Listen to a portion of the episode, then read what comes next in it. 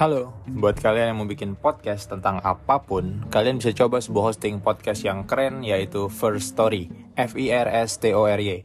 First Story ini bisa kalian gunakan 100% gratis. Di dalamnya kalian tinggal upload rekaman podcast kalian, langsung dipublish bisa atau mau dijadwalkan untuk waktu tertentu juga bisa.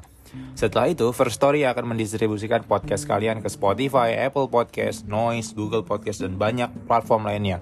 Di sini juga tersedia F-Link, semacam link tree yang berisi semua platform podcast dan social media kalian. Selain itu, terdapat First Story Ads untuk memonetisasi podcast kalian dengan cara yang mudah dan sederhana, sehingga kalian bisa mendapat penghasilan juga dari podcast yang kalian buat. Ayo, maksimalkan potensi podcast kalian dengan hosting terbaik untuk podcaster. Daftar di firststory.me, ayo berkarya.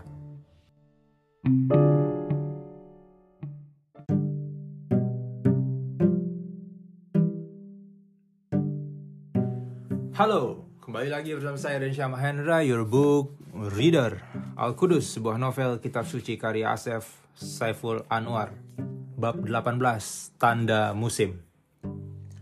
Dan mereka bertanya, ke manakah perginya hijau pada buah-buah yang telah meranum, pada daun-daun yang telah mengering? Katakanlah, sesungguhnya Tuhanmu telah menetapkan warna pada tiap tumbuhan sebagai tanda musim bagi manusia.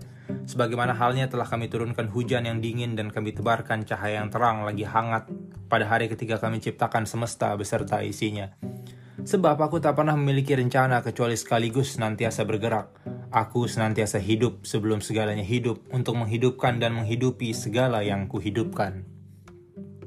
Kami jadikan beberapa pohon itu tumbuh dari sebuah biji yang jatuh, berakar, bertunas, berdahan, beranting, berdaun, dan sebagiannya berduri.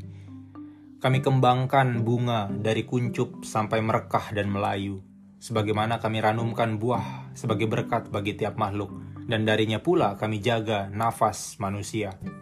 Dari pohon-pohon itu, lembaran kayu menjadi pengikat akal. Manusia pun tak lagi menggurat di atas batu, tak lagi menulis di atas kulit dan tulang belulang binatang. Buah-buah dipetik demi tinta untuk mengikat makna dalam kata. Mengalirlah pengetahuan dengan deras dalam kepala manusia. Seketika, telinga mendadak sunyi dari perkataan sebab mata telah begitu damat oleh pengetahuan.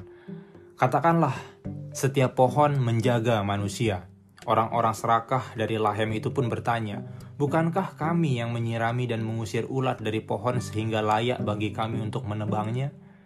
Dan untuk apa Tuhan menumbuhkan pohon-pohon bila tidak untuk ditebang manusia? Sesungguhnya telah kami tetapkan apa yang baik bagi tiap-tiap makhluk, dan manusia itu tiada pernah tahu apa yang paling baik kecuali apa yang paling penting bagi dirinya sendiri. Sesungguhnya sesuatu yang baik itu berguna sepanjang waktu, sementara sesuatu yang penting tidak berguna kecuali hanya untuk sesaat. Di antara mereka ada yang menebang pohon-pohon demi cahaya yang semu. Di antara mereka ada yang mencabut pohon-pohon demi harta dan benda, sementara yang lain mengikat akalnya pada pohon-pohon yang telah dijatuhkan. Mereka mengabdikan pengetahuannya dalam pohon-pohon yang ditebang dan ditanam untuk kembali ditebang. Kelak, di negerimu tak akan ada lagi pohon yang tumbuh sampai mati, kecuali dibinasakan manusia dan tiada lagi burung yang terbang, kecuali senantiasa terancam nyawanya atau kehilangan tempatnya bertengger.